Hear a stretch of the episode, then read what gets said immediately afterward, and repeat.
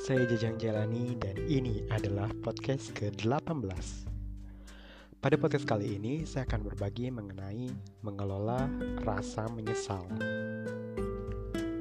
Mick Jagger pernah bilang, "The past is a great place and I don't want to erase it or to regret it, but I don't want to be its prisoner either."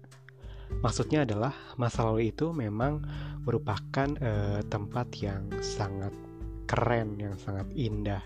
Tapi saya tidak mau nih untuk menghapusnya atau enggak untuk menyesalinya. D uh, tapi juga saya nggak mau untuk jadi uh, tahanan di dalamnya. Jadi seindah apa pun masa lalu teman-teman, bagaimanapun hebatnya masa lalu teman-teman, jangan pernah jadi tahanan dibuat masa lalu. Artinya juga jangan pernah teman-teman untuk menyesal terhadap masa lalu teman-teman. Ngomongin tentang penyesalan nih, apakah teman-teman pernah merasa menyesal? Karena apa? Kemudian biasanya penyesalannya itu um, datang belakangan kan ya. Kira-kira kenapa ya? Nah, pada podcast ini kita akan coba mengulik-ulik nih tentang penyesalan itu seperti apa dan gimana cara mengelolanya. Rasa menyesal atau penyesalan biasanya hadir saat teman-teman pikirannya udah terjebak nih pada satu kesalahan atau e, salah mengambil langkah di masa lalu teman-teman.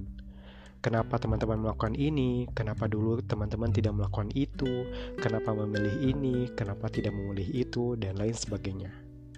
Apakah rasa menyesal memiliki aspek positif bagi kita? Tentu jawabannya adalah iya. Penyesalan itu bisa memotivasi kita untuk belajar dari kesalahan di masa lalu dan untuk e, bertindak lebih baik untuk di masa depan. Sadar nggak teman-teman jika menyesal dan e, yang kemarin kita bahas nih perasaan kecewa itu ternyata mirip-mirip ya karena memang sifatnya mirip, makanya juga beberapa tips yang akan kita bagi nih cara mengelola e, rasa menyesal itu juga mirip nih dengan cara mengelola rasa kecewa yang sudah disampaikan di podcast sebelumnya. Inilah beberapa tipsnya. Tips yang pertama itu coba teman-teman duduk bareng sama perasaan menyesal tersebut.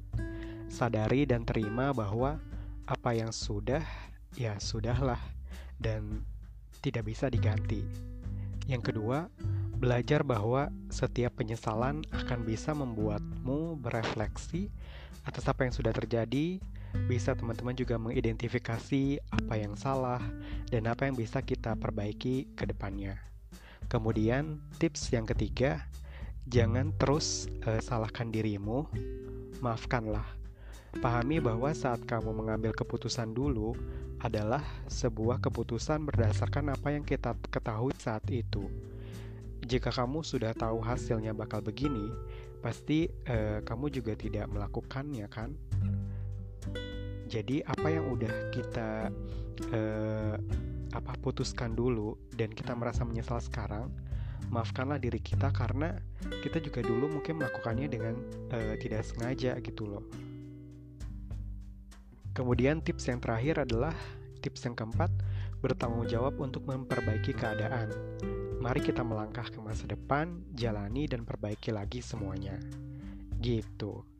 Sekian dulu podcast kita kali ini. Terima kasih banyak atas um, apresiasi teman-teman untuk uh, selalu mendengarkan dan setia dengan podcast-podcast yang sudah sampai podcast ke-18 ini. Uh, tetap semangat, tetap sehat. Sampai ketemu di podcast selanjutnya.